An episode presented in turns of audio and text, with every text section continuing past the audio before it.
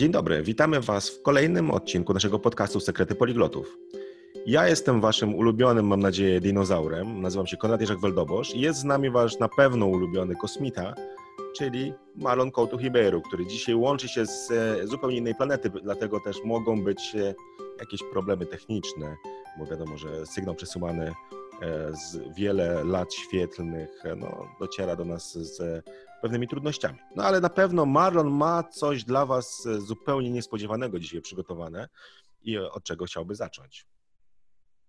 Tak, i wiesz, z naszą zaawansowaną technologią w ogóle nie było trudno podrobić ten pokój, żeby wyglądał tak jak pokój u Was tam na ziemi, prawda? Ale inaczej mówiąc, pochodzę z Brazylii, czyli z zupełnie innego kąciku e, w tym naszym ogromnym e, wszechświecie, albo wszechświacie chyba tak będzie odmiana. Więc zaczynamy od suchary, bo trzeba tradycyjnie właśnie zacząć nasze, nasz, nam nasze e, podcast. I pytanie jest tak, pytanie brzmi tak, tak ponownie o czymś, o czymś mówiłem. Czemu bociany na zimę wylatują do ciepłych krajów? Bo tam ci też chcą mieć dzieci. No, Marlon, dzisiaj tak e, no, dosyć. E, myślę, że będziemy musieli oznaczyć to jako 18 plus teraz ten nasz podcast, bo temat. Co ty? Niewinny słuchar. No, Wszystko zależy od interpretacji słuchacza i widza. Tak, natomiast no tutaj, że e, skąd się biorą dzieci i tak dalej, no to jest dosyć temat. No, ja myślę, że powinniśmy oznaczyć jako 18 plus. Ale przejdźmy do dzisiejszego tematu E, takiego prawdziwego, na którym się skupimy. Przepraszam, ja, ja, ja właśnie nie, nie, nie podawałem tego, tego sucharu do, do sprawdzania przez cenzurę naszego podcastu, ale następnym razem to ja będę bardziej czujny, bo tu u nas w kosmosie to tak nie ma takiego problemu z takim, z takim sucharem, bo są gorsze, wiadomo, są takie. No, no dobrze. Natomiast tematem dzisiejszego odcinka jest, jak uczyć się gramatyki. Prawda? Czyli to jest taki temat, który no, niektórzy jak słyszą słowo gramatyka, to od razu uciekają. Natomiast mam nadzieję, że nie zniechęciło Was to słowo i oglądacie i słuchacie e, tego odcinka, bo będziemy chcieli podzielić się z Wami kilkoma takimi pomysłami czy e, technikami, sztuczkami, być może takimi, o których nawet do tej pory nie pomyśleliście, e, które pomogą Wam dużo lepiej nie tyle nauczyć się gramatyki, co po prostu nauczyć się języka, nauczyć się jego struktur, prawda? I może Marlon zaczniemy od tego, co to w ogóle jest gramatyka. No bo ludzie jak słyszą słowo gramatyka, to e, bardzo się boją. Prawda? Dla mnie gramatyka... Myślę, że, mhm. myślę, że, że jest kilka definicji. Ja nawet ostatnio obejrzałem filmik e, poligloty z Włoch, Luca Lampariello i właśnie też o tym mówił o tej definicji i zgadzam się zupełnie, on wymienił coś takiego, to nie jest, to nie jest jego opinia, on gdzieś tam w internecie czytał, ale, ale tłumacząc to z angielskiego, to byłoby gramatyka to umiejętność używanie reguł, takich niewidocznych reguł danego języka do komunikacji, do, do, do, do dogadania się w taki naturalny sposób. I tak według tej, tej definicji, z którą on się nie zgadza, ja też nie do końca, że im bardziej świadomy jesteś tych reguł, tak, które, albo którymi właśnie działa ten język, tym naturalnie brzmiesz, ty naturalnie umiesz mówić, więc to mniej więcej gramatyka jest to. Nie? To jest, to jest ta, ta umiejętność dogadania się, e, właśnie tworzenie zdań, e, wyrażenie twojej opinii, twoich myśli w taki naturalny, nieprzerywalny, e, taki osobisty sposób. Nie? Bo jak ktoś nie zna gramatyki danego języka, to znając kilka słów, czasami może układać kilka zdań, ale pytanie jest tak, czy te, te zdania będą zawsze zrozumiałe, zawsze naturalne, czy da się zawsze przekazywać zamierzony cel, zamierzone znaczenie, więc naprawdę to takie to, to jest taka e, ogólna definicja, prawda? Mhm. Bo pamiętamy, że jeżeli chodzi o regułę i, i słówkę zdania, czasami przekazujemy nasze przesłanie albo, albo nasze zamiary, intencje nie tymi słówkami i zdaniami, które mówimy, ale przekazujemy tym, czego nie mówimy. I też gramatyka stoi jakoś tam za tym, prawda? Mhm, tak, ja to bym powiedział, że często się mówi o regułach gramatycznych, prawda? Natomiast ja bym powiedział mm, trochę inaczej, że, że to nie jest tak jak e, z matematyką, prawda? Gdzie mamy reguły, e, które no, są tak jakby regułami bez wyjątku. W przypadku języku wiecie dobrze, że najczęściej do każdej reguły jest mnóstwo wyjątków, albo przynajmniej kilka, więc ja bym powiedział, że to nie są może reguły, a to są zwyczaje językowe, bo, bo to tak jakby e, gdy używamy języka, to mamy pewne zwyczaje, pewne rzeczy robimy e, w nadziei też i wiedząc, że druga osoba zrozumie, o co nam chodzi. Prawda? Czyli to nie jest tak, że jest jakaś reguła konkretna, której zawsze w 100% trzeba przestrzegać i ktoś ją zapisał kiedyś. To jest raczej tak, że się przyzwyczailiśmy do mówienia w taki sposób i ten sposób jest dla każdego zrozumiały. I tutaj to, to trzeba też zrozumieć, bo są pewne rzeczy, e, które no, ludzie często zadają pytanie, pewnie ma, swoi uczniowie, twoi uczniowie na, na zajęciach pytają się co chwilę, dlaczego tak się mówi, prawda? I najczęściej odpowiadasz, bo tak jest, prawda? No, nie ma tutaj e, często logiki. Czasem można znaleźć pewne wzorce, natomiast ciężko się doszukiwać logiki, prawda? Czyli ja bym powiedział, że dla mnie gramatyka to jest taki zbiór zwyczajów i wzorców językowych, które pozwolą, tak jak powiedziałeś, na wzajemne zrozumienie się, prawda? Czyli jeśli używamy tych wzorców i zwyczajów, to druga osoba nas zrozumie, a my zrozumiemy tę osobę, kiedy nasz mózg zacznie te wzorce i zwyczaje rozpoznawać. I teraz, dlaczego mówię wzorce i zwyczaje? Bo wzorce to są te, e, powiedzmy, jak mamy jakąś odmianę rzeczownika czy czasownika, e, są pewne rzeczy, które się powtarzają. Prawda? Czyli widzimy, że o, na przykład jakaś końcówka powtarza się cały czas, prawda? Oczywiście są różne zmiany, no bo ludzie mówią i skracają pewne rzeczy, pewne rzeczy jest nam e, wygodniej powiedzieć, więc e, e, powiedzmy połykamy jakieś dźwięki i po iluś tam latach te dźwięki przestają istnieć, prawda? Czyli dlatego po polsku mówimy na przykład nie mam psa, a nie nie mam piesa, no bo kiedyś tam naszym pra, pra, pra dziadkom było łatwiej tak powiedzieć, prawda? I często w różnych językach właśnie niektóre głoski są połykane przy dodawaniu końcówek, bo tak jest łatwiej, prawda? Czyli rozmawialiśmy o języku węgierskim, mamy języki właśnie takie jak węgierski, czy fiński, e, czy, e, czy języki tureckie też, gdzie na przykład samogłoski się upodobniają, prawda? Czyli jest jakaś zasada, ktoś tak po prostu, to nie jest tak, że ktoś zapisał, że o, teraz jak mamy takie samogłoski, to takie będziemy stosować e, w końcówkach, prawda? Czyli jak mamy tam w węgierskim na przykład w danym słowie E, samogłoski A, O, U, prawda, to końcówka nie może zawierać na przykład litery E. Czy jak dodajemy e, jakąś końcówkę, prawda, to ona też musi zawierać te trzy, czyli mamy na przykład różne warianty, prawda, czyli mamy, mamy tutaj. I tutaj to, co się dzieje, to nie jest tak, że ktoś to zapisał kiedyś, prawda, to jest tak, że ludziom po prostu było łatwiej tak mówić i się do, do, tego, e, do tego przyzwyczaili. Tak, także tutaj ja bym właśnie raczej mówił, że nie są to reguły, ale zwyczaje i wzorce językowe. Nie wiem, czy ty, Maron, się ze mną e, zgodzisz w tym punkcie. Zgadza się jak, jak najbardziej. Polski, polski nawet ma słowo uzus. Nauczyłem się tego słowa e, w tym, w krzyżówkach.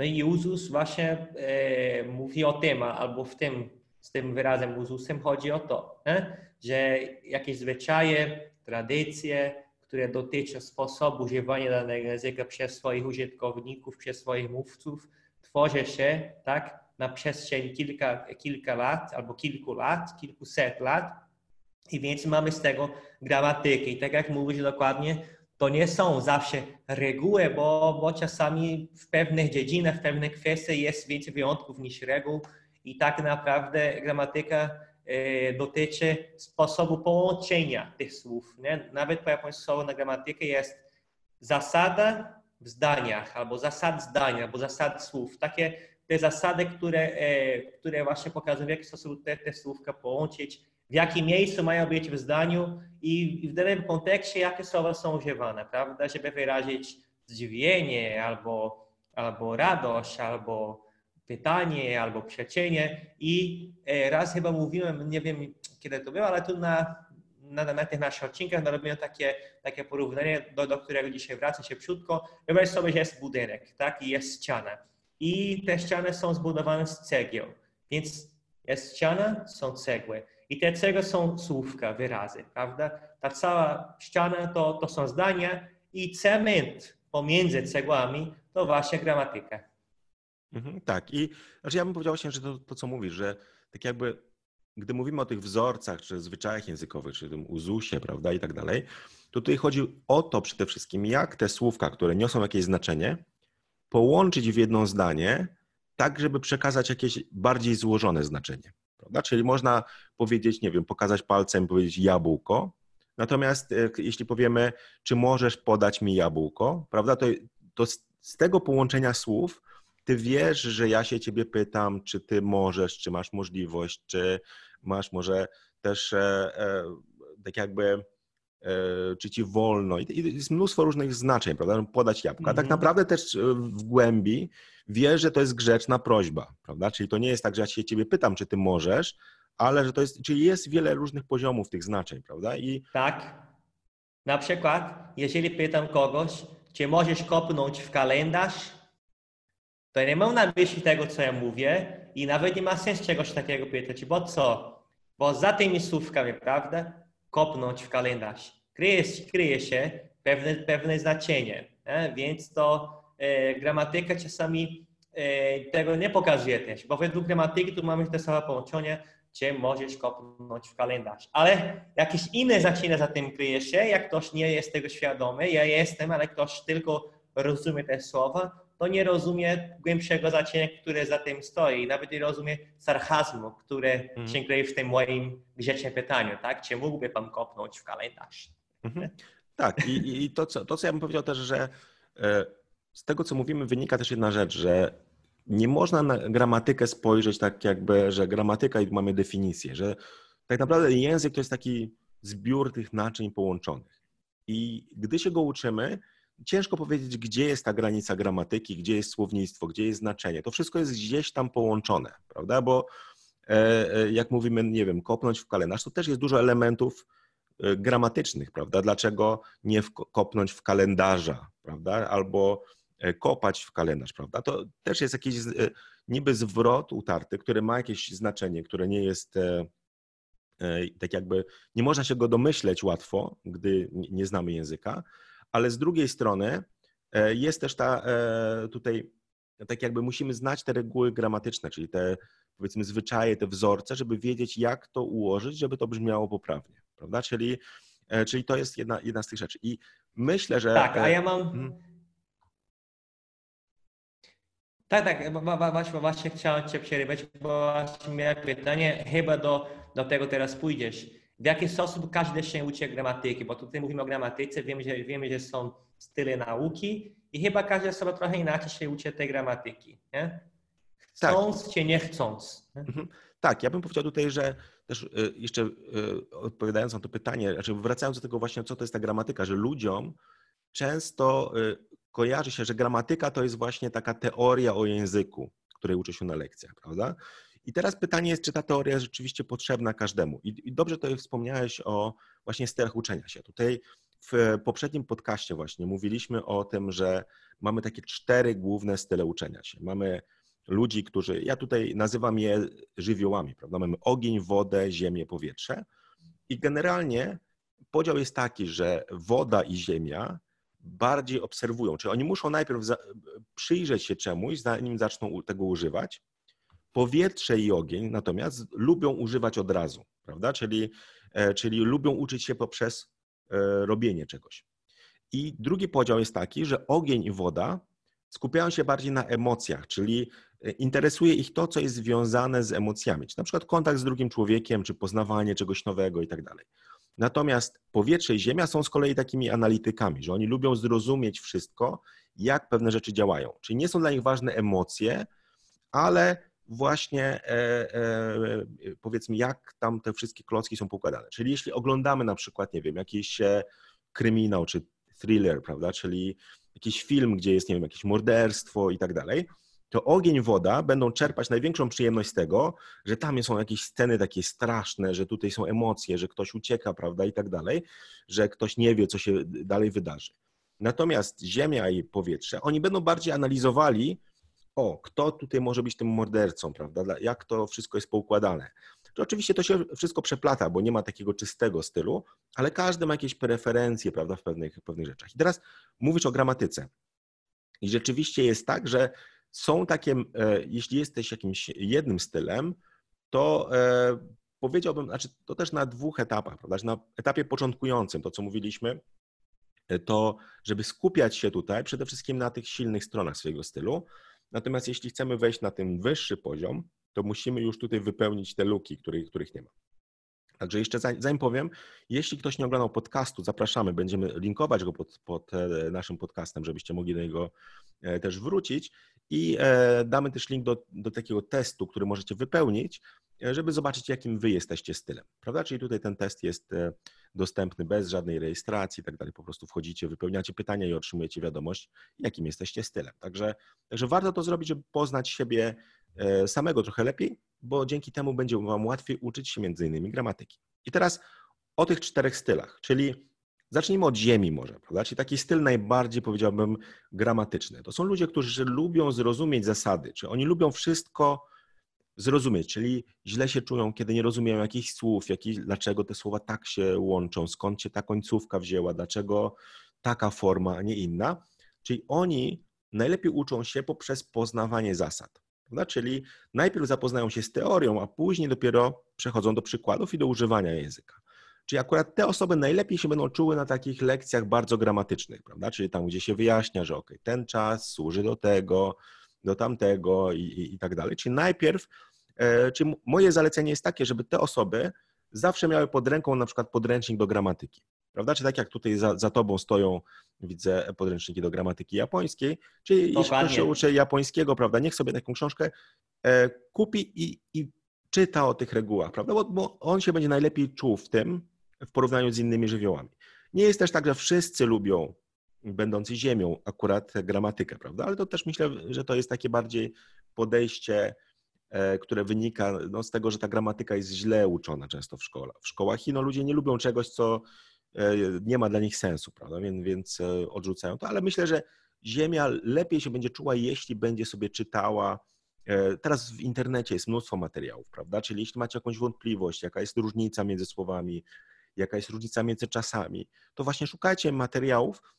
Mnóstwo książek bardzo fajnych teraz wychodzi, takich uproszczonym językiem wyjaśniona jest gramatyka, czyli to nie jest E, taki bardzo skomplikowany, tak jak kiedyś te książki, gdzie tam rzeczywiście trzeba było, jak ja na przykład czytam, mam e, gramatykę do sanskrytu, kupiłem sobie właśnie tego e, słynnego poligloty gawrońskiego przedwojen, przedwojennego, no i tam ta gramatyka, że ja sam nie, nie wyrabiam czasami, bo on używa dziesięciu słów, których ja nie rozumiem, no ale to był taki poziom, powiedzmy, przekazywania informacji, który był kiedyś. Teraz jest już dużo łatwiej, prawda, czyli w tych nowych książkach do gramatyki, zwłaszcza takich uproszczonych, jest mnóstwo ciekawych tytułów na, na rynku teraz, znajdziecie proste wyjaśnienie zasad, czyli musicie, będąc ziemią, szukać najpierw zrozumienia zasad, bo jak rozumiecie zasady, to łatwiej wam jest później używać języka. Teraz drugi żywioł, też analityczny, powietrze.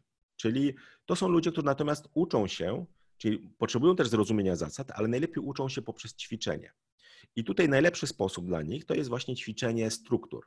Tutaj Marlon, tutaj sporo takich stosujesz chyba właśnie e, różnych technik typu tworzenie własnych zdań, podmiana elementów, prawda? Czyli e, e, takie ćwiczenia, które nazywane są drillami językowymi, prawda? Z, od angielskiego language drills, prawda? Czyli E, są, są to ćwiczenia, gdzie mamy pewne struktury, tylko one się troszeczkę zmieniają, prawda? Albo tworzymy własne zdania. Czyli to jest taka nauka poprzez ćwiczenie na przykładach, prawda? Czyli tak jak Ziemia potrzebuje teorii, tak powietrze potrzebuje przykładów, prawda? Prostych e, zdań, prostych przykładów.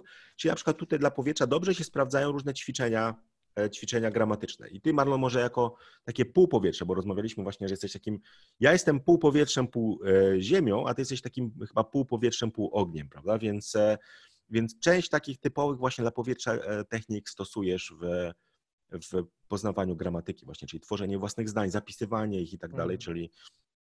Nie może i tak, ja, ja za bardzo nie lubię rozwiązywać ćwiczeń gramatycznych, ale bardzo lubię się opierać o przykładach, o wzorców, bo ja myślę, że generalnie e, w uczeniu się języka obcego chodzi o to, że ty się uczysz wzorców i powtarzasz do bólu. Nawet tak jako małe dziecko tak robimy, nieświadomie, ale tak robimy cały czas i dzięki temu jesteś w stanie tworzyć twoje nowe zdanie, zupełnie nowe zdanie, których wcześniej nie, nie słyszałeś, ale jesteś pewien tego, że są poprawne, bo śledzisz dany wzór i dam tu konkretny przykład. Jak mówisz, e, po japońsku, że je, jesteś dobry w czymś, albo że dobrze coś umiesz, to jest dana struktura, że najpierw osoba i potem la, potem twoja czynność, noga i potem na końcu. Jouzu desu to jest dosłownie jestem umiejętny. I, I przy tym noga dajesz tutaj twoją czynność, tę czynność. Na przykład ktoś mówi, że umie dobrze grać na gitarze, albo że dobrze gra na gitarze. I wychodzi po japońsku watashi wa, czyli ja, okay? a potem gitar, gitara dosłownie grać. I wychodzi eh? gitar hiku i do, i, i do ciebie tej noga i wychodzi watashi wa gitar hiku noga i na końcu jouzu desu. Watashi wa gitar hiku noga jouzu desu. I to jest przykład ne? wzorców, czyli tutaj ktoś tam ła, ciemność plus noga i na końcu jouzu desu. I na podstawie te, tego przykładu możesz tworzyć, nie wiem, 100 zdań, może tam więcej. No i starczy, starczy że, że znasz e, słownictwo, nie, że umie gotować, umiem dobrze mówić po angielsku, albo świetnie gram w piłkę, w piłkę nożną, albo świetnie prowadzę samochód i tak dalej. Więc robię takie swoje nowe zdanie w swoim zeszycie, te, te, też wpisuję do, do pewnej strony internetowej, e, w, w, internecie wiadomo i mnie to sprawdzają. Więc to, to jest bardzo fajny tak, sposób, ale, ale... aby ćwiczyć te wzorce, prawda? A jeżeli tak, chodzi ale tutaj, tutaj jeszcze bym dodał tylko Maron jedną rzecz. E, tutaj ma, ma... Słucham Ciebie, tak, tak. E, Halo? Bo tu chciałem dodać tutaj, że, że jedna rzecz to jest właśnie znajomość gramatyki, a tak. druga to jest znajomość tego drugiego poziomu, na przykład w przypadku japońskim. Ja myślę, że bardzo rzadko usłyszysz watashi wa i później jozu des, ponieważ Japończycy mhm. są bardzo skromni. Oni o sobie nie powiedzą tak. Oni co najwyżej, e, e, chyba jest tam drugie jakieś e, tokuides, czy jakoś e, tak, że jest takie wyrażenie, tak, jest, jest drugi, bardziej jest, skromne. Jest tak, tak, jest bardziej skromne, bo te Jozudes to jest takie właśnie, że o, ja jestem super w czymś, nie? To powiemy o kimś innym, natomiast e, e, powiemy być może hetadzia arimasen, prawda? Czyli nie jestem zły w czymś, prawda? Czyli tak bardziej tak, skromnie. Tak, tak, tak, tak, tak, więc widzisz, to też jest tak, że czasami właśnie gramatyka to jest jeden poziom, ale drugi poziom jest bardziej głębszy, prawda? Czyli, czyli mm. musimy zrozumieć też, czyli kilka rzeczy. Czy jeden jest, y, co można powiedzieć, bo to, co mówisz, jest super poprawne, prawda? Czyli to jest poprawne tak. zdanie, które i często jest tak, że na pierwszym poziomie, tak jak rozmawialiśmy też o tym wejściu na poziom C, to już taka wiedza na poziomie C, bo jako, jest, jako, że jesteś obcokrajowcem, to y, Japończycy czy my Polacy ci też wybaczamy błędy w języku polskim, bo wiemy, że okej, okay, że no, uczyłeś się i to nie jest tak, nie jest to łatwy język, ani jeden, ani drugi, ani żaden język nie jest łatwy, prawda? Natomiast mamy pewne, pewne, e, e, pewne czasami trudności z tym, żeby e odpowiednio używać pewnych rzeczy, prawda? Czyli są takie drobiazgi. Ja myślę, że na początku, jak się uczymy właśnie, to dobrze jest ćwiczyć struktury i nie martwić się tym, kiedy, jak je używać, aby zrozumieć po prostu, jak te słowa się łączą, prawda? Czyli jakich form używamy, prawda? Czyli e, jak połączyć te słowa, żeby one działały. Na przykład, nie wiem, jak mamy czasowniki typu mogę, no to musisz się nauczyć, że musi być po nim bezokolicznik w języku polskim. Mogę zrobić coś, prawda? A w innych językach są inne formy, prawda? Czyli, e, czyli tutaj e, mamy różne, różne możliwości. Czyli to, to co, co mówić właśnie, żeby ćwiczyć sobie, bo ta struktura pomoże nam, e, nam w mówieniu. I tutaj ja bym powiedział, że ty też fajnie przeszedłeś właśnie od powietrza do ognia, bo ogień to jest ktoś, kto uczy się właśnie używając, prawda? Czyli to jest tak, że powietrze ono sobie ćwiczy, układa w głowie różne rzeczy, a ogień lubi po prostu pójść i używać. I ty pewnie tak robisz, że jak widzisz jakiegoś e, tam Japończyka czy Chińczyka, od razu zaczepiasz na ulicy i próbujesz używać tych struktur, które poznałeś, prawda? E, także, także -hmm, tutaj, e, także to, to, to w ten sposób działa. No, także, także myślę, że to jest właśnie różne, różne podejście. Natomiast też ja bym powiedział zawsze, że pamiętajcie, że na początku to jest dobre podejście, ale żeby wejść na ten wyższy poziom, musicie pewnej rzeczy zrozumieć, czyli ogień, czyli ty zaczynasz używać tych, e, tych form, ale musisz je lepiej zrozumieć. Czy musisz jednak zajrzeć czasami do tej gramatyki, czy dopytać się na przykład e, właśnie, e, czy Japończyków, czy Polaków, jak używacie, dlaczego używacie. Najczęściej dlaczego to oni nie wiedzą, nie, prawda? Bo jak mnie się zapytasz, dlaczego mówimy tak i tak, ja powiem, no nie wiem, bo tak się mówi. I czuję, że coś jest poprawne, a nie do końca wiem dlaczego, dlaczego jest poprawne, prawda? Czyli, czyli ta, tak jest. Czyli, czyli ogień właśnie poprzez używanie, czyli poznajesz jakąś strukturę i stara się ją używać, właśnie dopasowywać, mówić o sobie, o, o, rzeczach, które są dla ciebie ważne, prawda? Bo to nie chodzi o to też używanie jakichś przypadkowych przykładów, typu właśnie e, gram na gitarze, jeśli nie gram na gitarze, prawda? Natomiast e, możesz na przykład powiedzieć, o, że jestem dobry w, nie wiem, w, w, czymś tam innym, prawda, co dla ciebie jest istotne i wtedy jako ogień będziesz lepiej się czuł, mówiąc, mówiąc właśnie, właśnie o tym. Nie? Także... I właśnie tutaj się odnosimy do, do stylów, bo pamiętajmy, pamiętajmy, e, widzowie i drodzy słuchacze też,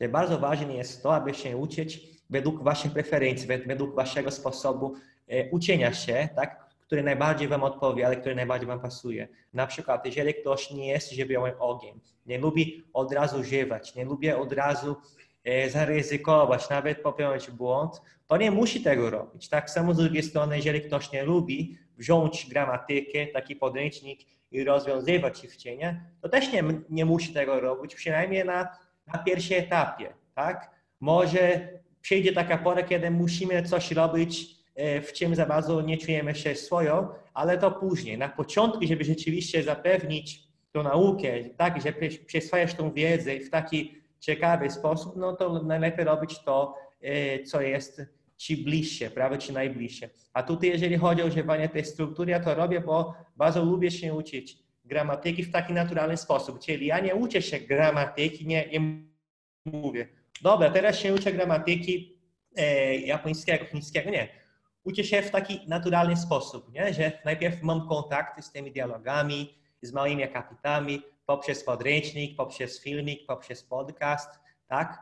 I potem, jak czuję potrzeby, tak, że, że muszę lepiej rozumieć zasady, w jaki sposób się używa tego czy tamtego, no to pocieram te, te reguły, tak, tak jak właśnie ponad wymienił. Ale najpierw, przepraszam, mam kontakt z językiem, nie? Czyli próbuję się uczyć tych zdań, i potem, potem, ewentualnie jeżeli jest mi potrzebne, bo, bo widzę, że nie wychodzi mi za bardzo, próbuję robić swoje zdanie, podaję ludziom do sprawdzania, popełniam dużo błędów, czyli widzę, o, że nie udało się zapłacić za bardzo tego, tego wzorca albo tych reguł, no to wtedy czytam o tych regułach, tak? A, a taki, taki zwany analityczny sposób jest na odwrót.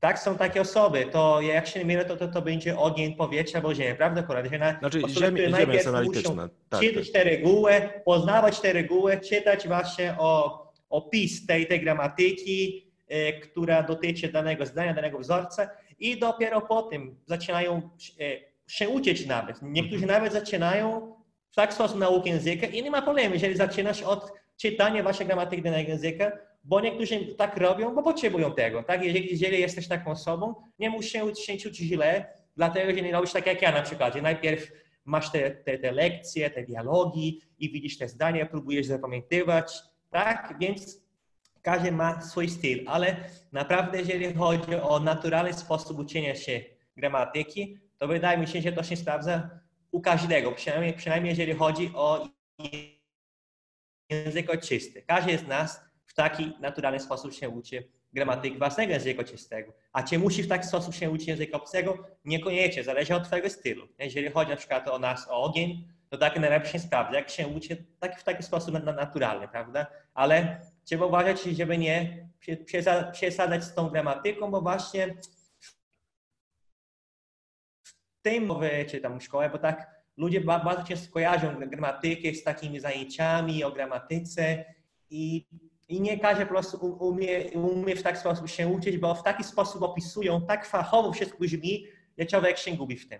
Mhm. Tak, i tutaj ja bym powiedział, że taki najbardziej naturalny, chyba tak jak mówisz, sposób ma właśnie woda, prawda? Bo to jest taki pierwszy krok, tak jakby jak widzieliśmy ten cykl uczenia się, to woda jest właśnie takim obserwatorem, który szuka y, pewnych rzeczy, które wzbudzają pewne emocje, są ciekawe i tak dalej. Czyli e, właśnie uczy się na tak jakby absorbowaniu tych wzorców. Czyli woda dużo słucha, dużo, dużo czyta, dużo lubi się przyglądać i tak dalej. Czyli na tej podstawie można też nauczyć. Tak jak ty na przykład jako ogień bardziej uczysz się, o, mam takie zdanie, to zacznę go używać, prawda? Tak woda bardziej lubi pewne rzeczy absorbować, prawda? Wsłuchiwać się w to, widzieć różne przykłady i wtedy ich używać.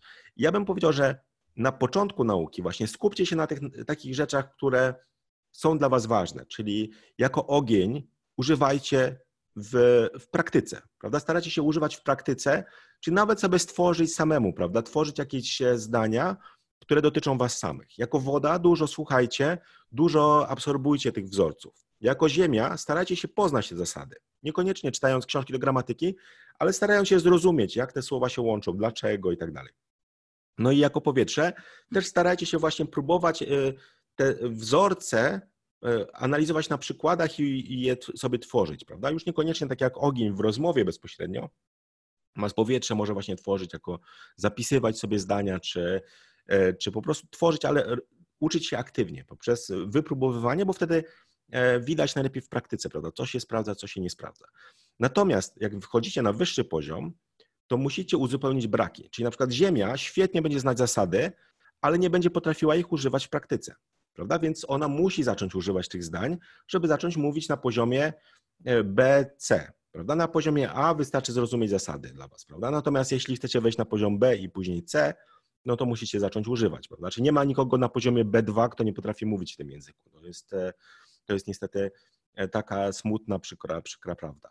Natomiast ogień będzie używał pewnych wzorców, ale może nie do końca rozumieć pewne zasady, które musi poznać. Prawda? Czyli to też jest tak, że e, tą, tę praktykę trzeba uzupełnić teorią. I myślę, że to jest taka zasada e, na początek dla Was. Czyli po pierwsze, nie martwcie się tym, że e, jesteście trochę inni niż taki typo, że jako nie lubicie gramatyki może, że nie czujecie się dobrze. Znajdźcie sobie swój sposób na to, żeby z tymi wzorcami, żeby je zbierać analizować i potem używać, prawda? Czyli to jest to, co my robimy jako małe dzieci, prawda? Najpierw zbieramy te wzorce, słuchamy przez tam dwa lata, trzy lata i przez właściwie przez kilka lat e, tak naprawdę. Później zaczynamy je analizować w głowie. To często nasz mózg sam robi, bez naszej wiedzy, i na koniec zaczynamy używać, prawda? I to jest, my jesteśmy, nasz mózg potrafi to robić, prawda?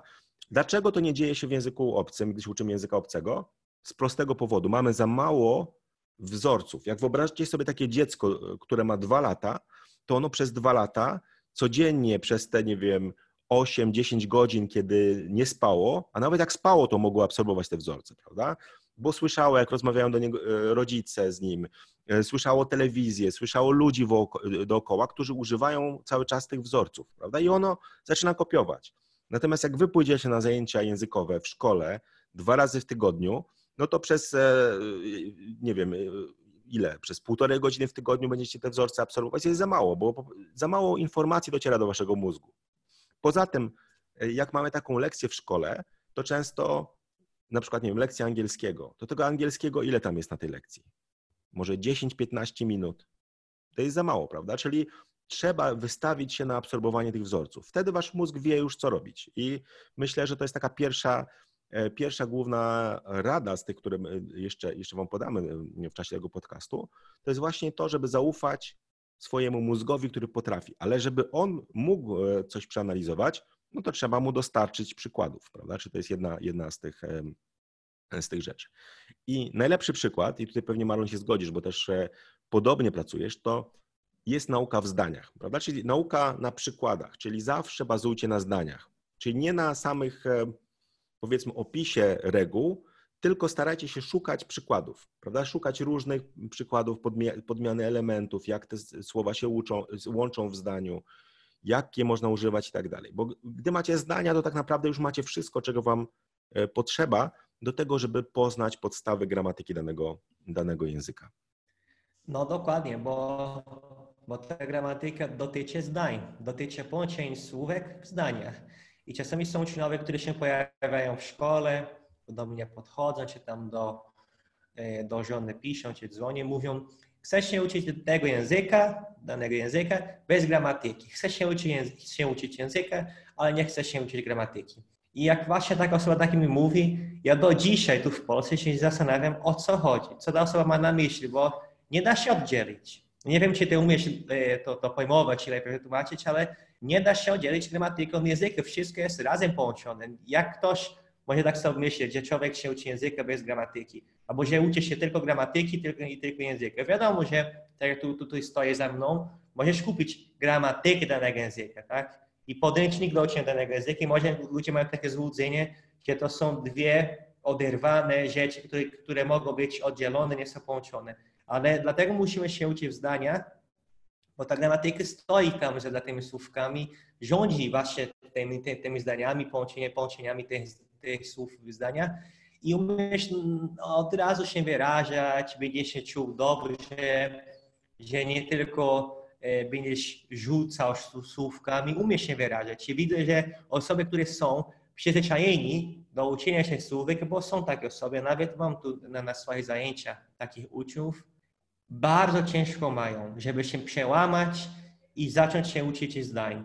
Bo może gdzieś tam nieświadomie w głowie myślą, że najłatwiej, najprościej się uczyć słówek, bo nie musi się uczyć gramatyki, tak, te odmiany. Ale to jest taki błąd, bo, bo tracisz jakby swój czas. Jak znasz te, te różne tam słówka, ale nie wiesz, jak to się podu, jak to się łączy, ale nie wiesz czemu. Sam nawet wiesz, jak to się odmienia, ale czemu tak jest. Nie? Tak jak na przykład znam e, cudzoziemców, którzy się uczą polskiego i na kursach w Polsce niestety bardzo często tak jest, że od razu na pierwszych zajęciach rzucają tabel, tabelki z tymi wszystkimi przypadkami ojciec, ojca, ojcu, e, ojcem i, i, często takie, jak na potykiem trochę rozmawiamy po angielsku, wiadomo, bo polsku nie da się zaraz z nimi, z nimi rozmawiać, pytają, ale po co to? Dlaczego to jest używane? I tak myślę, no, jak sens było to, nie? jak sens było w tym, że, że te osoby już miały tego na, to na zajęcia, nawet pięknie umieją recytować, nie? ojciec, ojca, ojcem, ojcu, wymieniają to wszystko, ale pytają, a po co to? Nie?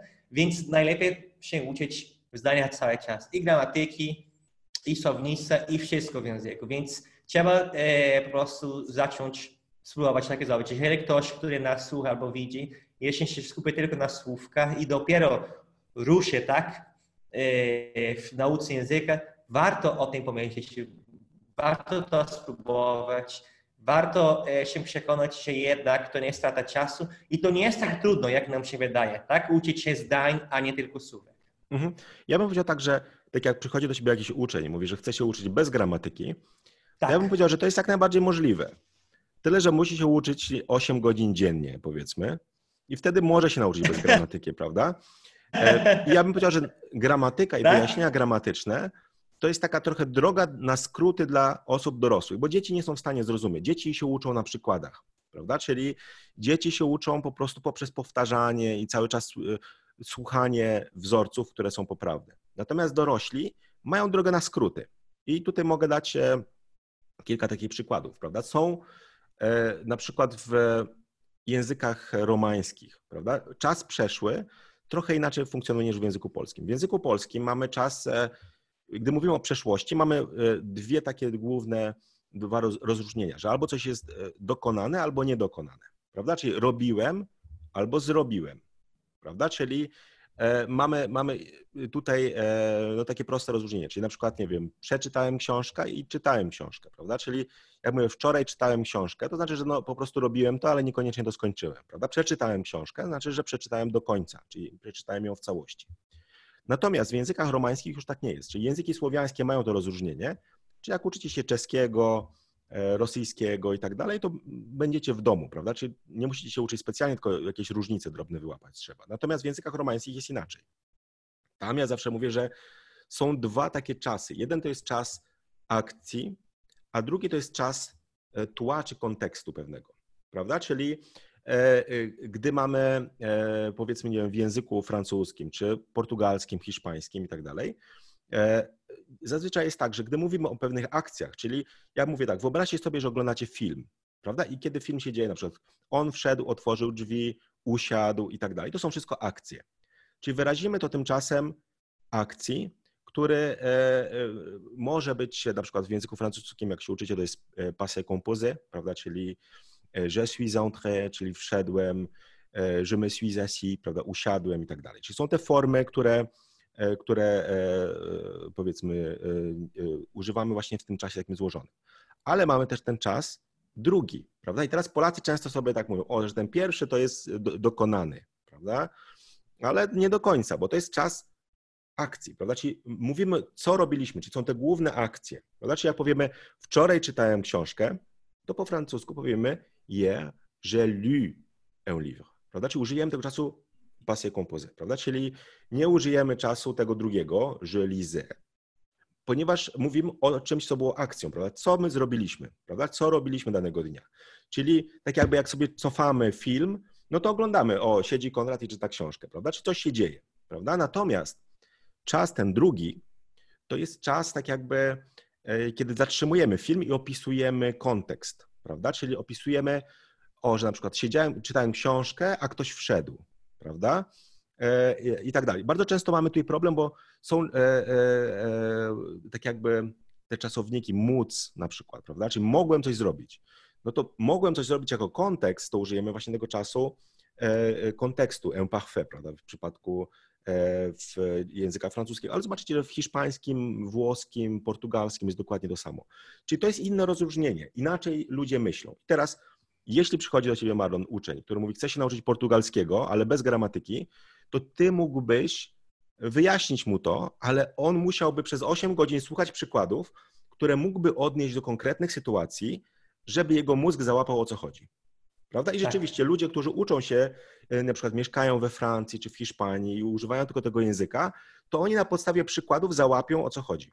Prawda? Tak. Natomiast jeśli uczysz się dwa razy w tygodniu, to nie ma siły, żebyś dostał tyle przykładów, żeby twój mózg załapał tą różnicę. Ale ktoś ci może o tym opowiedzieć. Prawda? I teraz, jeśli się uczy, uczysz francuskiego i usłyszałeś to, co ja opowiedziałem, to nagle wow, to ma sens, prawda? Rzeczywiście, jeśli ja coś robię, jeśli jest akcja, coś, co się dzieje na ekranie, bez zatrzymywania filmu, e, to znaczy, że użyję tego czasu. A jeśli zatrzymujesz, żeby opowiedzieć, dlaczego coś ktoś zrobił, jaka, o czym myślał, czy, czyli cokolwiek, co zatrzymamy i możemy opisać, że co się dzieje, to wtedy to jest ten czas tła czy kontekstu i to ma sens, prawda? I wtedy nie myślimy o tym, czy coś jest dokonane, niedokonane, ale zmieniamy, zmieniamy podejście, prawda? Czyli gramatyka jest drogą na skróty, bo teraz widzicie, ja przez pięć minut wam opowiedziałem to, co byście słuchając tylko języka załapali dopiero po kilku latach.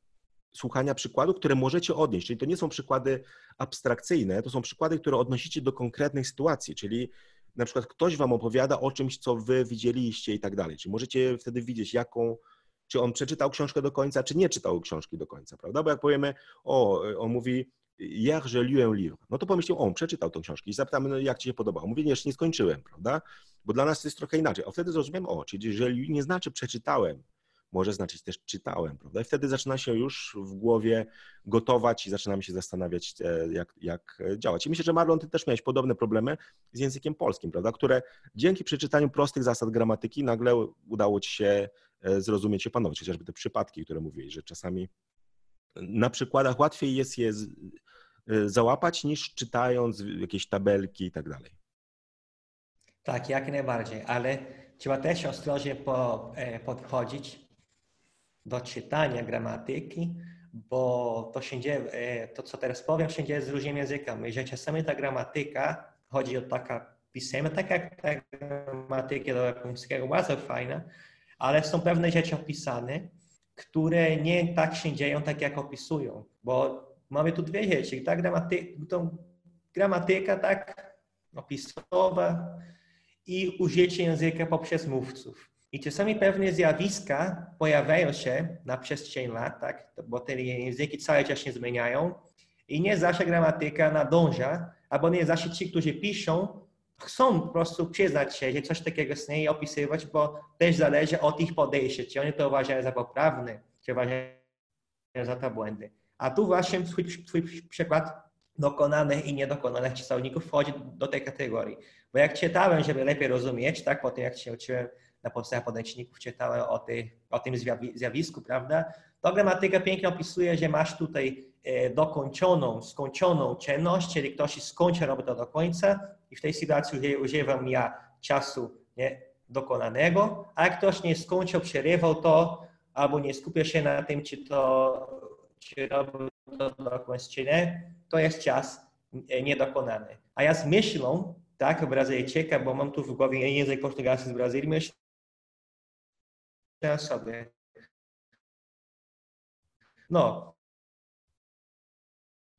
jak mówią, zrobiłem wczoraj, bo dzień się skończył, dokonany mamy dzień, tak, to jest przeszłość, ale wy tak nie mówicie, nie? tak? Ja zacząłem to zauważyć po tym, jak tu zacząłem mieszkać.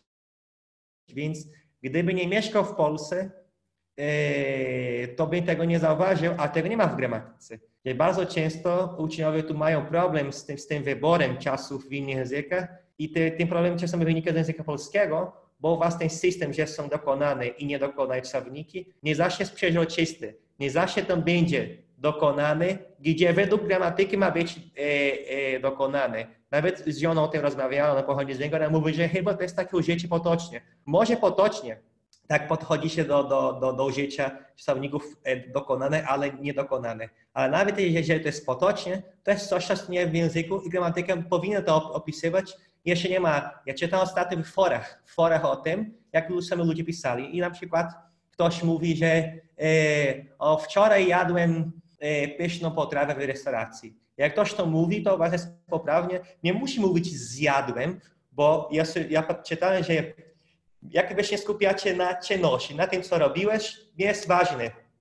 To jest, już nie informacja, czy robisz to do końca, czy nie. Tak jak ktoś pyta, co robiłeś wczoraj? Nie, nie muszę pytać i nawet nie, nie brzmi naturalnie, co zrobiłeś wczoraj, bo te też zauważyłem, że jak dajesz tą wersję dokonaną, to masz coś więcej na myśli. Nie masz tylko na myśli, że do, dokończysz czynność, też brzmi trochę, trochę stanowczo, trochę wynikliwie. Jeżeli pytam, co zrobiłeś wczoraj, trochę brzmi narzucająco. Tak samo jak, jak, jak jeżeli, jeżeli mama teraz widzi, że dziecko je, albo widzi, że już nie je, pyta, czy zjadłeś obiad? To ma na myśli, czy zjadł już na, do końca. Może miał zjeść i nie wie, czy zjadł i, po, i powinien, to, powinien to dziecko się bawić tylko po zjedzeniu. No i pyta, czy zjadłeś obiad? A takie zwykłe pytanie, czy jadłeś obiad, dotyczy czynność, tak? Czy bierzesz zajęcie, więc u Was takie, takie niuanse się pojawiają w życiu tych, tych słów e, albo tych czasowników, którego nie ma w gramatykach, tak? Pamiętam, że raz byłem w pracy, w jakiejś innej pracy i koleżanka powiedziała, e, szef pytał, a gdzie są te dokumenty, ba, ba, i ona mówi, no podawa, podawałam Ci wczoraj. I tak sobie coś myślałem, a czy ona mówi, podawałam Ci wczoraj? To jest jednorazowa czynność. Ona wzięła te dokumenty, podała mu, koniec. Nie? Te dokumenty razem. To nie jest tak, że podawała przez godzinę, ona tak. Wtedy już zaczęła zauważyć, aha, no ludzie mówią w tej, w tej wersji niedokonanej, bo nieważne, czy, rob, czy robili do końca, czy nie robili do końca, skupiają się na czynności, gdzie oni to robili, to wykonywali, tak? Więc to jest takie, to jest takie e, e, e, rozmyślanie nad tym, czego nie ma na takiej na powierzchni. Jeżeli ktoś tylko ma tak powierzchniową wiedzę na podstawach gramatyki, to tego nie ma. I dlatego, tak jak mówisz, Korel, masa przykładów jest potrzebna, bo tylko po tym, jak dużo słuchałem, jak przeanalizowałem sposób mówienia w języku polskim, udało się dojść do tego wniosku. Po tym, jak czytałem o tym w forach, to już miałem jakby całkowite przekonanie, że tak jest właśnie i próbuję coraz bardziej tak mówić, prawda? Bo tak się mówi po, po polsku. A jeżeli chodzi o, o jeszcze o gramatykę, jak, jak jakiś uczeń mnie prosi, e, żebym uczył go bez gramatyki, co, co, co ja robię, bo nie da się tak. No to próbuję nie skupiać się na nazewnictwie, tak? Bo my dorośli bardzo lubimy wszystko e, szufladkować i Konrad może też bardziej o tym mówić, my lubimy kategoryzować i gramatyka tak ma. Czasami masz proste rzeczy, proste zjawiska w języku, które mają takie oddzielne nazwy, jeżeli troszeczkę się zmienia. Dam tu przykład. Po portugalsku, jeżeli mówię e, falo i tô falando, to jest uważane za dwa różne czasy. Nie? To jest czas teraźniejszy, a chyba drugi, drugi się nazywa czas teraźniejszy ciągły. Czyli gramatyka już da dwie nazwy. Ale to falando mamy dwa elementy. To, od słowa estou, to, czyli jestem, i falando, mówiące, mówiąc. O co mi chodzi? Że słowo to też będzie używane, jeżeli mówię e, jestem tutaj. To będę mówił, to aqui. A falando będzie używane na przykład, jeżeli mówię é, uczę się poprzez mówienie. Né? Aprendo a língua falando. Czyli mamy tutaj dwa elementy. Tô falando, mogę oddzielnie od tego ciągłego, nie? a jak łączę te dwa, to wychodzi czas teraźniejszy ciągły. Drugi przykład, przeszłość. Czasami się mówi, że dany język ma 3-4 przeszłości. A jak patrzysz takie dokładnie, tak, czasami e, o to chodzi, że dam tu e, przykład z hiszpańskiego. Como e, estaba, estaba, nie? To, to jest ten, chyba to się nazywa po polsku czas przeszły niedokonany, tak, albo, albo trwający estaba, że byłem tam gdzieś, tak, i estaba haciendo, to już będzie e, czas przeszły, niedokonany, ciągły, tak coś. Więc kolejna taka nazwa, a mam, masz tu dwa słowa połączone. Więc gramatyka trochę czasami komplikuje rzeczy, że im więcej tych rzeczy są połączone, tym więcej tych, tych nazw masz i potem w końcu to, to nic nie, nie daje. Więc lepiej się skupiać na funkcji, tak lepiej wiedzieć, po co, to, po co tego używać, kiedy to jest używane, niż sama nazwa. I jeszcze kolejny przykład z japońskiego. E, masz słowa tak jak na przykład larui albo kawaii, sugoi. To wasza gramatyka tutaj, tutaj po polsku mo, może to nazywać przymiotnikiem. Ale to jest mylące, bo te słowa nie zachowują się tak jak u was, tak jak przymiotniki. Nawet dlatego na zajęciach, jak mówię te słowa, to długo mówię, ale mówię, o, słowa opisujące cechy. Czasami cię pytają, o przymiotniki. No nie, to są słowa, które opisują cechę. I tak mówię trochę dookoła, żeby nie, żeby nie używać nazewnictwa, bo czasami może to być mylące. Szczególnie jeżeli znasz te pojęcie, wiesz, wiesz co to jest rzeczownik, wiesz co to jest czasownik, wiesz co to jest przymiotnik, ale to rozumiesz przez pryzmat gramatyki polskiego. I nie w każdym języku to będzie tak samo, prawda? Czyli pomimo nazwy, pomimo nazewnictwa, może to być zupełnie coś innego. Więc dlatego nie warto się skupiać na nazewnictwie. Jeżeli chodzi o te przymiotniki po japońsku, oni się odmieniają według czasu. U was przymiotniki nie odmienia się według czasu, tak? Mówię, mówię że, że e, on jest chory, a jak on już wyzdrowiał, mogę mówić, on był chory.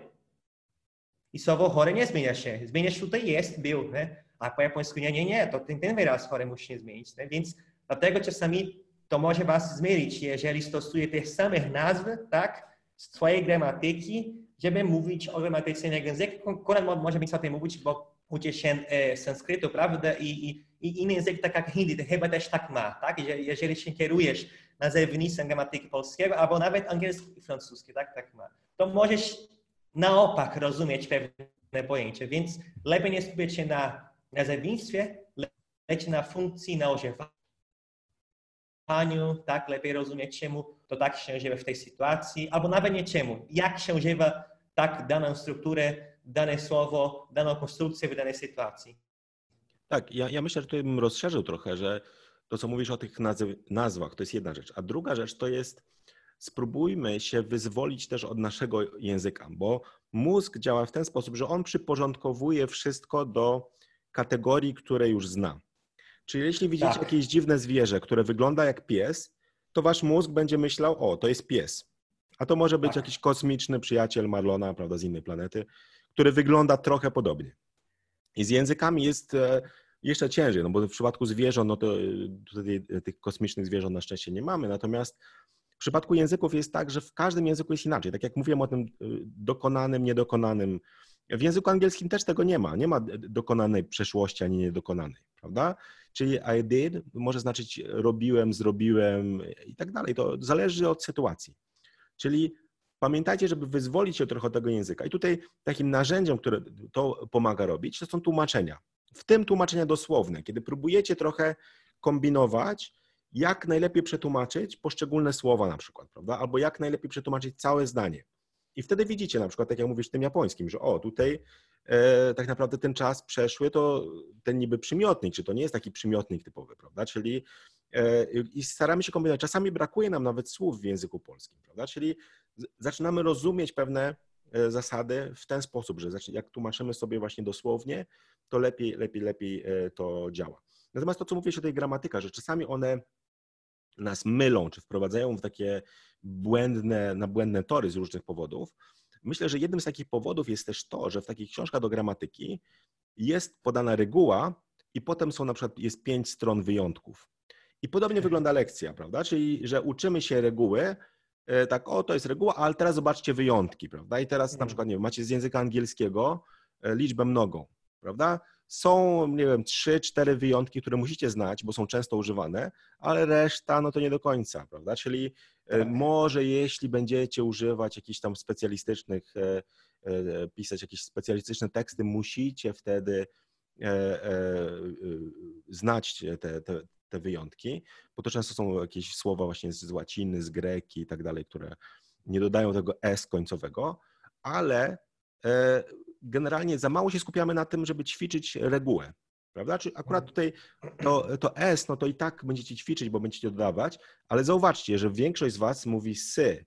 Mówi na przykład, nie wiem, kiedy chcę powiedzieć psy, powiemy dogs, prawda? A dogs to są, jest port, prawda? Musi być dogs, czyli Z bardziej słychać, prawda? Czyli na tym się nie skupiamy, natomiast skupiamy się na jakimś wyjątku, prawda, i tak dalej, żeby ćwiczyć e, słówka. Czyli ja myślę, że skupcie się przede wszystkim, zwłaszcza na początku, na tym, żeby zrozumieć takie podstawy.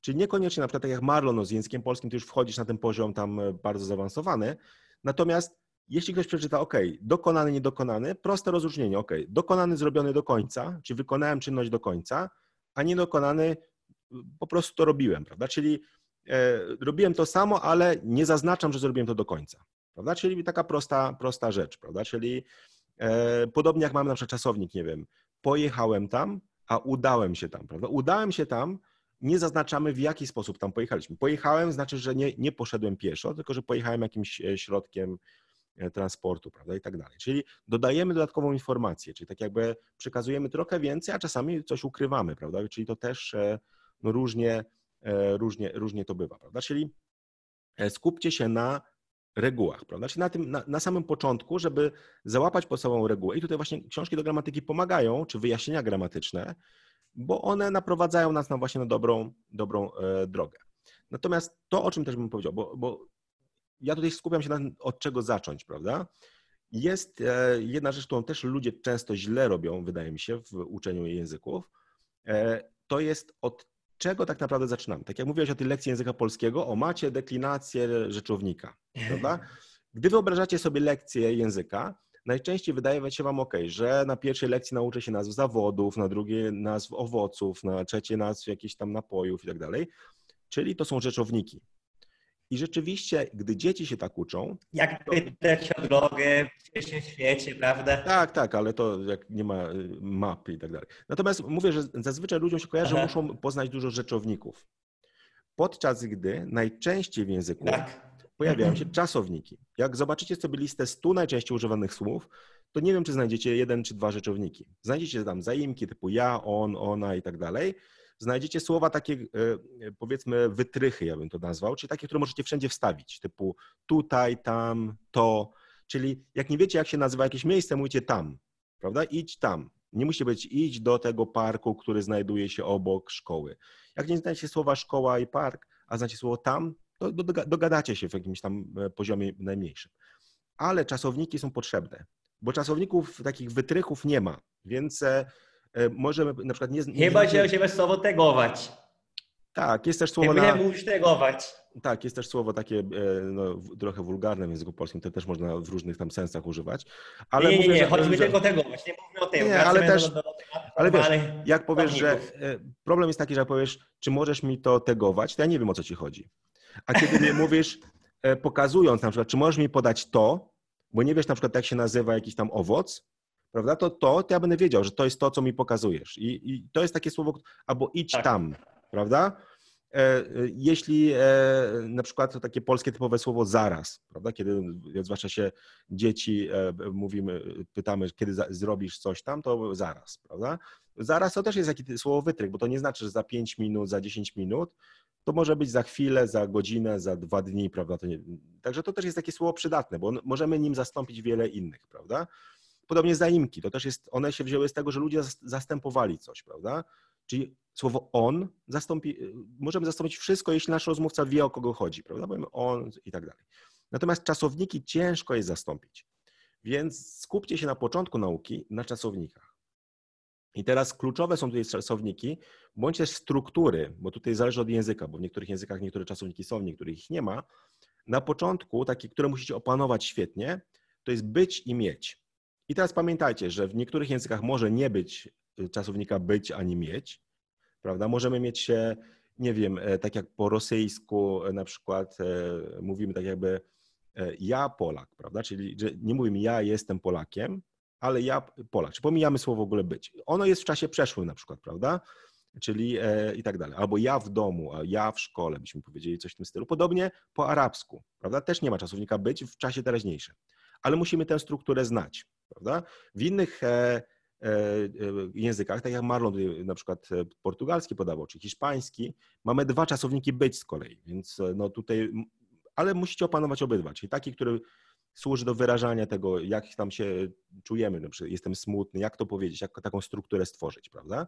I drugi czasownik mieć. I tutaj też no, w języku rosyjskim, arabskim czy w innych często jest zastępcza struktura, czyli że u mnie coś jest, na przykład, prawda? Czyli nie, że mam, po japońsku mówimy też, że coś jest po prostu, prawda? I tutaj.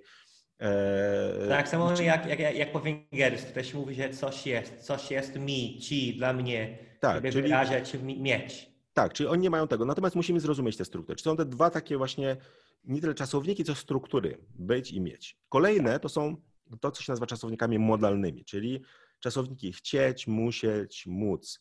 Bo to są takie czasowniki bardzo przydatne, bo jak umiemy je, ich używać w różnych czasach, to powiemy wszystko praktycznie, tak. E, e, bo jak się nauczymy, jak one się łączą z innym czasownikiem. Na przykład, zamiast, jak nie wiem, jak powiedzieć, nie wiem, e, jak odmienić czasownik robić, to mogę powiedzieć chcę robić, prawda? I jak umiem odmienić chcę, to dam, dam radę. Oczywiście nie we wszystkich językach to działa, bo część języków, w części języków nie ma bezokoliczników. Używamy, mówimy na przykład chcę, robię, Prawda? Więc to tutaj... Albo niektóre języki nie mają, nie, nie mają osobnego słowa chcieć. Tak, Dają albo używają jakiejś form. Ale mają, albo mają specjalną formę czasowniki, żeby mówić musieć albo chcieć, tak jak japoński czy tam koreański. Tak, tak, czyli, czyli jest dużo, ale, ale musimy nauczyć się, bo to są takie przydatne, których często będziecie używać. Wtedy wasz ten język tak. będziecie w stanie powiedzieć bardzo dużo, prawda? Bo y, gdy rozmawiamy, no zastanówcie się, o czym rozmawiacie, prawda? Czyli na co dzień. Najczęściej, ok, o czym, e, czyli co zrobiliśmy i tak dalej, czyli przekazujemy jakieś informacje, czyli taki pierwszy poziom e, rozmowy, ale możemy też e, mówić o naszych uczuciach, pragnieniach, o tym, co chcemy zrobić, co musimy i tak dalej. To jest ten bardzo ważny taki, no bo wtedy ta rozmowa nie jest już taka tylko oparta na, na bo no nie będziecie opowiadać nikomu, jak wasz dzień wygląda codziennie, prawda, że wstaje o tej godzinie i tak dalej. Najczęściej będziecie mówić, że o, chcę pojechać gdzieś, muszę zrobić to i tamto. Czyli to są takie bardzo, bardzo potrzebne e, czasowniki. I tutaj jeszcze mówiąc o czasownikach, taka moja rada i coś, o czym pewnie nie, nie myśleliście. Tak jak Maron mówiłeś, przychodzisz na lekcję polskiego i tabelka jest ojciec, ojca, ojcu i tak dalej. To jest złe podejście. Dużo lepiej sprawdza się, bo pamiętacie, co wasz mózg musi się nauczyć. On nie musi się nauczyć tabelki. On nie, nie, nie ma nauczyć się jak poszczególne te przypadki brzmią. On musi się nauczyć wzorca, czyli w jaki sposób, e, jaką formę podłączyć w, w odpowiednim miejscu, prawda? Czyli wy nie musicie znać nazw, dopełniacz, jakiś tam celownik i tak dalej. Tak jak, tak jak, tak, tak jak wy, wy, wy, tu w Polsce tego nie znają. Najczęściej chyba, chyba ludzie kojarzą nazwę przypadki przez pytanie e, kogo, co, tak, tak, to... kogo, czego, kim, czym. Najczęściej ludzie w taki sposób kojarzą te, te, te przypadki, a nie przez nazewnictwo dopełniać, mianownik i tak dalej.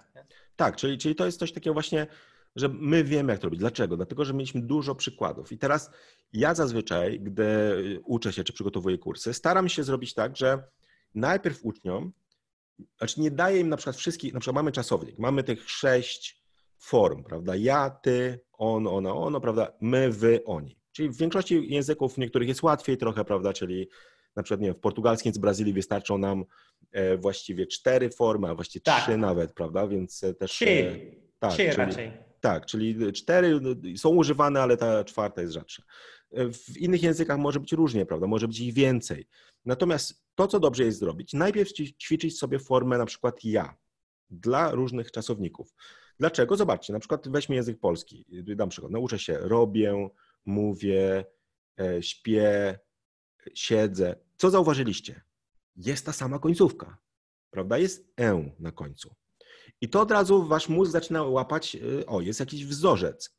I teraz, e, gdybym dał jakieś, e, na przykład słyszeć, to wasz mózg, o, to może być słyszę, prawda? Podobnie na przykład po hiszpańsku. Mamy tą e, końcówkę, która jest na przykład, mamy hablo, co, co escucho, prawda? Czyli ja słyszę, mamy o na końcu, prawda? I nasz mózg załapie to.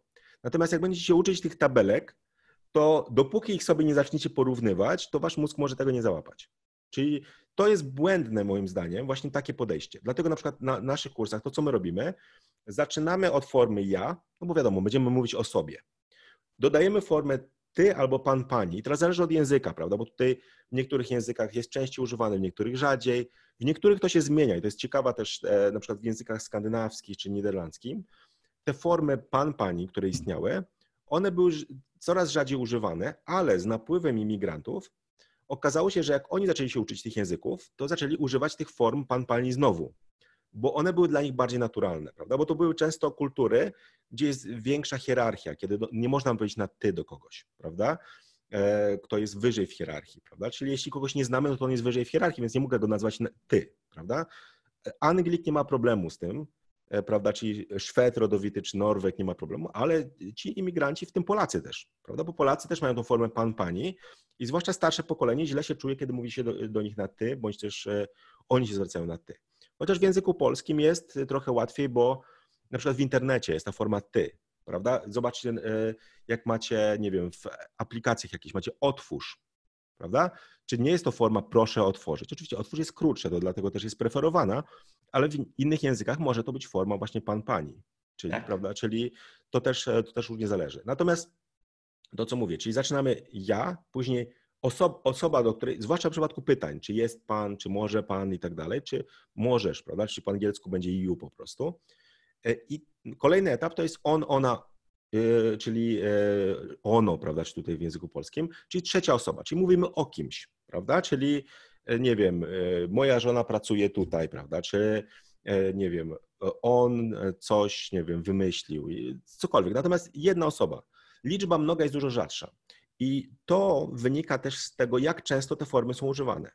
Gdy zobaczycie analizę form częstotliwości, czyli to, co ja mówiłem, że jak przygotowywałem te kursy na początku, robiłem analizę użycia słów w, na podstawie napisów do filmu. Także, żeby zobaczyć na przykład, które czasy są najbardziej potrzebne, które formy są najbardziej potrzebne, prawda? Czy czasami jest tak, że nie musicie kon konkretnie poznać na przykład e, e, jakichś wszystkich form, prawda? Natomiast wystarczy poznać jedną, która jest bardzo częsta, prawda? Czyli ona się bardzo często pojawia, więc e, e, e ona gdzieś, gdzieś warto ją wprowadzić. Natomiast uczcie się tak jakby, łącząc te podobne formy, prawda? Czyli uczymy się nie sześciu form na raz, tylko pojedynczych, czyli najpierw forma ja dla różnych czasowników.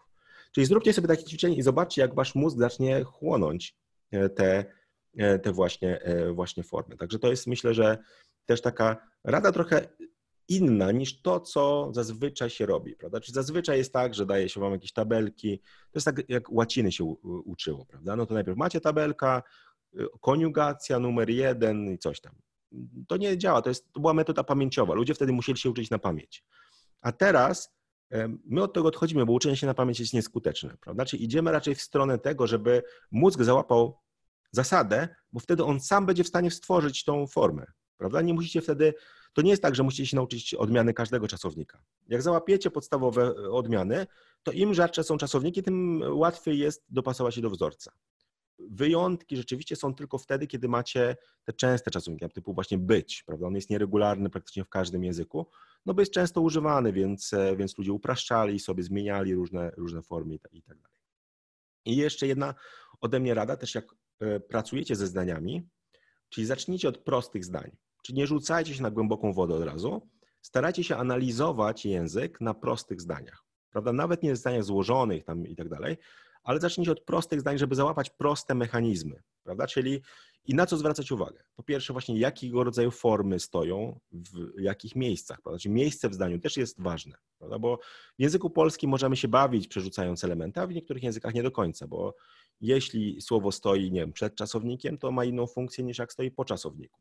prawda? Czyli e, mamy przykład, e, e, gdybyśmy mieli na przykład, nie wiem, e, chcemy powiedzieć e, po polsku na przykład Piotr e, kocha Annę, prawda? Możemy powiedzieć Annę kocha Piotr.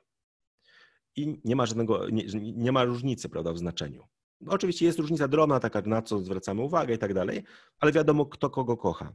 Natomiast w języku angielskim już jest różnica, prawda? Bo ten, kto jest przed czasownikiem, kocha tę osobę, która jest po czasowniku. I tutaj nie możemy zmienić e, e, kolejności po prostu elementów w zdaniu. Czyli na to też musicie, musicie zwracać uwagę, ale łatwiej to będzie wyłapać, jak są zdania proste.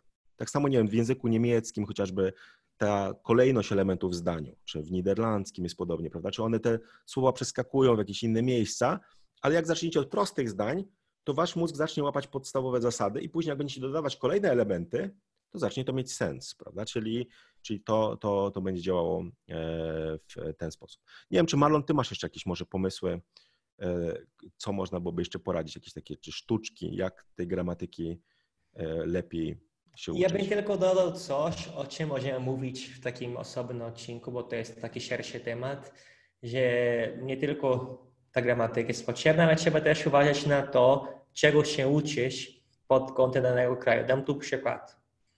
W Brazylii nie mamy takiego zwyczaju za bardzo rozbijania e, namiotów, tak, i, i, i kampingowania i tak dalej.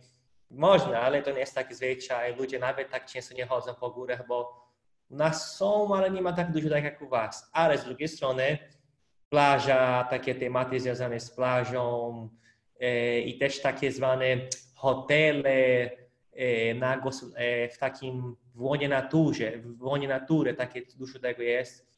Więc to jest taki e, istotniejszy temat u nas. Więc jak to się uczy i się uczy te, tego słownictwa, o tych namiotach, o tym kempingach i tak dalej, więc nie będzie miał za bardzo okazji tego uczyć w Brazylii. Albo kolejny przykład. Uczy się o dworcach, o tych pociągach i tak dalej. Też u nas za bardzo nie ma pociągów, więc musisz na, też trochę uważać na to, czego się uczysz, oprócz tej gramatyki, wiadomo.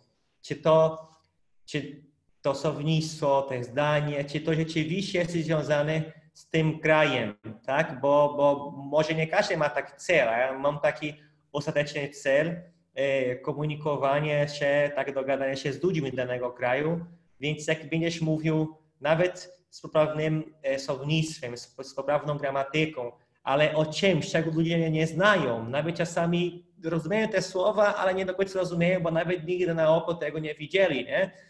Więc to e, trzeba być cały czas tego świadomy, nie? Też się uczyć tego, co rzeczywiście w danym kraju jest potrzebne, jest znane ludziom, które mówią w tym języku. Więc ja chciałem tylko dać tą radę, bo czasami możemy popatrzeć w tą pułapkę, na przykład wy jako Polacy ucząc się języka, to dla was słownictwo które jest znane Polakom, które jest potrzebne w Polsce, może być Wam najbliższe, ale niekoniecznie jest to najbliższe, najbardziej znane Japończykom, czy tam Indiano, tam Navajo, czy tam w Brazylii, czy, czy w Chinach, prawda? Więc te trzeba na to zwracać uwagę, ale co też może Wam sprawiać kłopoty, bo czasami to, co jest znane i potrzebne w danym kraju, nie jest Wam z kolei znane, nie jest Wam z kolei e, potrzebne. Tu przykład, w Brazylii mamy coś jako klubi, to nie jest klub, jak tu was, klubi, no to Kuna też może tak lepiej wytłumaczyć, ale to jest miejsce, gdzie jest basen, wiadomo, ale to nie jest basen kryty tak jak u was, bo musi zapłacić miesięcznie za ten klubi, tam, tam jesteś najczęściej w weekendy albo w dnia wolne, nie tylko po to, żeby popływać, żeby czego się napić, żeby coś tam jeść, możesz zrobić tam grilla, możesz grać tam, więc nie macie dokładnego takiego miejsca, które by odpowiadało za e, e, temu miejscowi w Brazylii, temu miejscu w Brazylii, ale to jest taki jeden przykład nie? takich słów, takich pojęć, które są typowe dla danego kraju, które się pojawiają w mowie, w słownictwie, ale niekoniecznie w waszym języku, więc trzeba też na to zwracać uwagę i trochę przemyśleć. Każdy z was, który nas słucha, ogląda, wie, czego się uczy i proszę trochę nad tym się zastanawiać. Okay? Czy się uczysz e, tego, co rzeczywiście w danym kraju będzie używane, prawda? Bo w każdym języku chyba każde słowo istnieje, ale nie każde słowo jest tak samo, tak często używane, bo to zależy od realiów, od potrzeb ludzi w danym kraju, w danym rejonie danego kraju nawet. Nie, czasami to jest jednak, wydaje mi się, trudne o tyle, że e, gdy uczymy się jakiegoś języka, to nie tylko chcemy poznawać kulturę, ale chcemy też opowiadać o sobie. Tak. Prawda? Czyli e, gdy e, powiedzmy, nie wiem, ja bym chciał Mówisz, powiedzieć... Chodzi na, chodzi na basen na przykład, nie? Na basen, bo to Tak, też albo- pojęcie, które nie ma w Brazylii. Tu dla was Tak. chodzi na basen na przykład, nie? Tak, albo pojechałem na działkę i O tak, pojechałem na śpiew- działkę. Drugi fajny przykład. Tak, śpiewaliśmy Tak. I kolendy. co, jak to, w jakim języku? I śpiewaliśmy kolendy, nie? I w ogóle teraz trzeba wyjaśnić dużo. Czyli też musicie zrozumieć właśnie, że pewne pojęcia, i czasami są na przykład uczniowie, którzy cię pytają, a jak powiedzieć na przykład, że właśnie pojechałem na działkę po portugalsku. No i teraz Tak. nie da się tego powiedzieć, prawda? To trzeba wyjaśnić cały koncept, co to jest działka i tak dalej. O tak. I e, jest... e, No, Nawet rynek, nawet rynek. Ktoś mówi, proszę nauczyciela, jak się mówi, że no, umówi- umówiłem się z kolegą na rynku. Tak, no jest na przykład po, po angielsku jest takie main square, prawda? Ale to też nie jest tak, że główny plac, ale to też nie odpowiada do końca, no bo e, Tak, bo, bo tu każde chodzi o słowo niesie waszą, ileś waszą tak. architekturę, nie? Jak ktoś pochodzi z kraju europejskiego, gdzie jest podobna architektura, to no, jak najbardziej rozumie dokładnie o co chodzi, nie? Tak, ale to, i to mówię, że to jest ciekawe też, że poznawać, ale czasem pewne rzeczy trzeba gdzieś wyjaśniać trochę naokoło i to jest, to Tak. jest, ta, to jest ta trudność. I Tak. to myślę, że też taka umiejętność, żeby wiedzieć, co może być dla kogoś jasne, a co nie, prawda? Czyli w momencie, kiedy Tak. podróżujemy, kiedy widzimy pewne, pewne różnice, dużo łatwiej jest nam e, pewne rzeczy wyjaśniać. I myślę, że tutaj też jeden z odcinków poświęcimy pewnie na naukę języka za granicą, prawda? Czy to jest konieczne, jak, e, Tak. jakie daje, e, powiedzmy, jakieś, czy ma zalety, wady i tak dalej. Dam tu konkretny przykład. Ostatnio tłumaczyłem coś i w tej rozmowie było, e, była taka ważna różnica. Czyli e, ro- rozmawialiśmy o owocach. To była taka negocjacja, ważny temat to było. I u was macie słowo wiśnia i czereśnia. I tłumaczyłem z portugalskiego akurat. I po portugalsku mamy, według słownika, słowo ginda. W Portugalii ginda, ginda, podobnie. Ale nie dosyć, że w Brazylii znamy czereśnie tylko po prostu ze zdjęć, z cukierek, bo tak kto, kto, kto widział na żywo prawdziwe, prawdziwą czereśnię, prawda? Czyli słowo syryże. Czyli nie dosyć, że nie znamy tego rzeczywiście, bo dotykamy i jemy świeże czereśnie. Jeszcze macie słowo wiśnie, które jest nie ginda, ale ludzie nie mają pojęcia, bo skoro nie znamy tego, to nawet dla nas, jaka jest różnica między cereja i ginda, mimo tego, że istnieje te słowa po portugalsku, więc ten gość, którego tłumaczyłem, mówił cereja i tu mówię, że po polsku że może czereśnie, może wiśnia i ten, ten pan, który mnie słuchał, nie do końca rozumiał. Nawet był trochę taki zły, nie? że ale, ale niech pan tłumaczy. Czy chodzi o czereśnie, mówi się, pan jest tłumaczem, pan ma tłumaczyć. Mówię, ale nawet zapytam go tutaj, ale jestem przekonany, że jak zapytam, czy chodzi o gindę albo czere, a gindę czy syreżę, on sam też nie będzie wiedział. Zapytałem, też nie wiedział i, i, i powiedział, tak jak powiedziałem, on nie wie, czy to chodzi o gindę, czy syreżę. On ma tak smak w tym produk produkcie, niech pan sobie zgadnie. No problem, bo tu mamy czereśnie i mamy wiśnie. No niech pan wybierze ten smak, który jest najbardziej znany. To wiśniowy i tak wygląda sobie, nie? I to jest jeden przykład tego, że czasami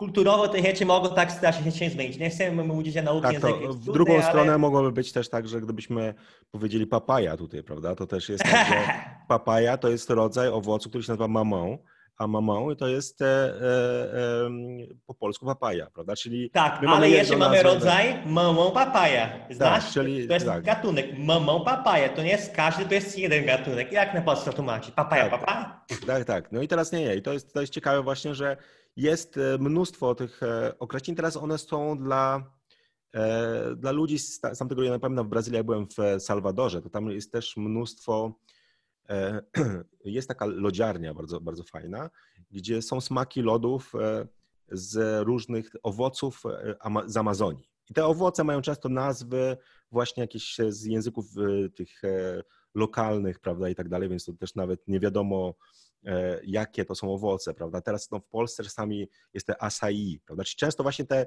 e, nazwy e, z języków tych indiańskich, prawda, one mają to i na końcu mamy, prawda, e, ananas, abakashi, prawda, w, w jednym z nielicznych krajów, gdzie ananas to nie jest ananas, prawda, w Brazylii to jest abacaxi, bo jest wzięte z tych języków indiańskich i tak dalej.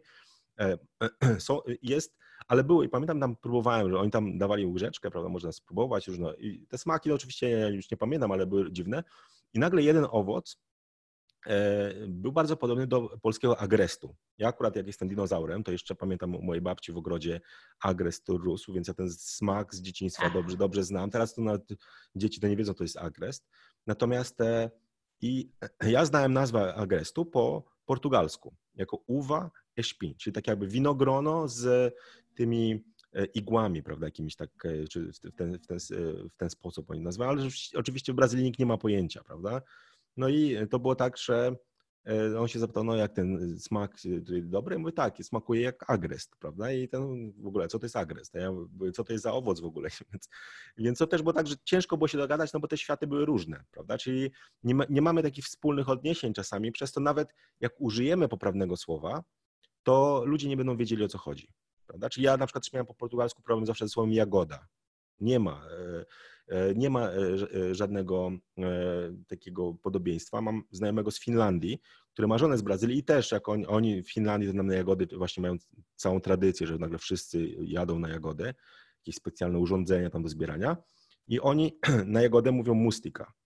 I e, gdy mówili po portugalsku, to też używali tego słowa, bo, bo, bo to było, było punktem odniesienia. Prawda? Często mamy tak, że właśnie jak mamy małżeństwa właśnie wielojęzyczne, to niektóre słowa, które nie mają odniesienia, będziemy używali nawet mówiąc, czyli na przykład jak Marlon rozmawiasz z Oniko po węgiersku, ale mówisz o Brazylii, to użyjesz pewnie portugalskich słów, bo wtedy łatwiej jest jej zorientować się o co chodzi. Prawda? Czyli nie będziesz tłumaczył. Jeżeli chodzi o pewne pojęcia, tak, ale jeżeli tak. chodzi o, o polskie, tak samo robimy. Na przykład, jeżeli mówimy o pierogach po portugalsku czy po węgiersku, no od razu używamy słowo, e, słowo pierogi każdy wie o co chodzi, bo da się porównywać do czegoś, co mamy w kraju, bo mamy coś podobnego, oni też mają, a to, a to nie jest dokładnie to samo, więc mówimy od razu pierogić. Mhm, tak, tak samo jak na przykład, nie wiem, działka właśnie, czy jakieś tam. Mhm. Y, I, i no, czasami jest łatwiej, prawda? Czyli, albo można też tłumaczyć, typu, nie wiem, idę jutro do urzędu miasta, do e, powiedzmy, nie wiem, E, do Urzędu Stanu Cywilnego. Prawda? I teraz co to jest Urząd Stanu Cywilnego? Jak to powiedzieć po węgiersku? Czy w ogóle coś takiego jest? W Brazylii tego nie ma, prawda? Więc jest Cartório, który jest e, takim notariuszem trochę, prawda? Ale to nie jest to samo, co Urząd Stanu Cywilnego, więc... Tak. Więc no, nie, nie da się czasami przetłumaczyć, prawda? I czasem też e, nazwy tych urzędników, zresztą niektóre dokumenty też tłumaczyłem z portugalskiego na polski, to też jest czasami zabawa niezła, że jak tak, przetłumaczyć strukturę danego kraju, nie? Ta, ta, ta cała struktura administracyjne albo tak, nawet bo to, prawo, jeszcze, jak to przetłumaczyć? takie tematy, Boże, to tak trudne e, e, e, tłumaczyć i znaleźć odniesienie. Tak, bo to czasami chcemy przetłumaczyć coś, ale musimy, tak jak mówisz, z tymi czereśniami i tak dalej, przetłumaczyć tak, żeby ta druga osoba zrozumiała, o co chodzi. I tu pojawia się dużo, dużo problemów. Ale myślę, że to jest temat też na, na kolejny odcinek. Czyli tak jakby podsumowując tą gramatykę. Tak jest. Po pierwsze, nie bójcie się gramatyki. To jest tak, że to, co znacie ze szkoły, to nie jest gramatyka prawda? Czyli gramatyka to jest taka droga też na skróty, że możemy się uczyć poprzez wystawienie naszych uszu na język, czy oczu na, na język, ale e, jako dorośli, prawda, mieszkający poza krajem, w którym się mówi tym języku, mamy mniej możliwości, żeby z tym językiem mieć taki kontakt jak małe dzieci. Przez co gramatyka pozwala nam to nadrobić, bo możemy pewne rzeczy przeczytać, zrozumieć i używać poprawnie, nawet nie widząc wielu przykładów. Ale to, co Wam zalecaliśmy, to Zorientujcie się, jaki macie styl uczenia się i dopasujcie ten sposób podejścia do gramatyki właśnie do swojego stylu. Czyli jako woda dużo słuchajcie, dużo otaczajcie się językiem. Jako ogień używajcie tych struktur w, w mówieniu.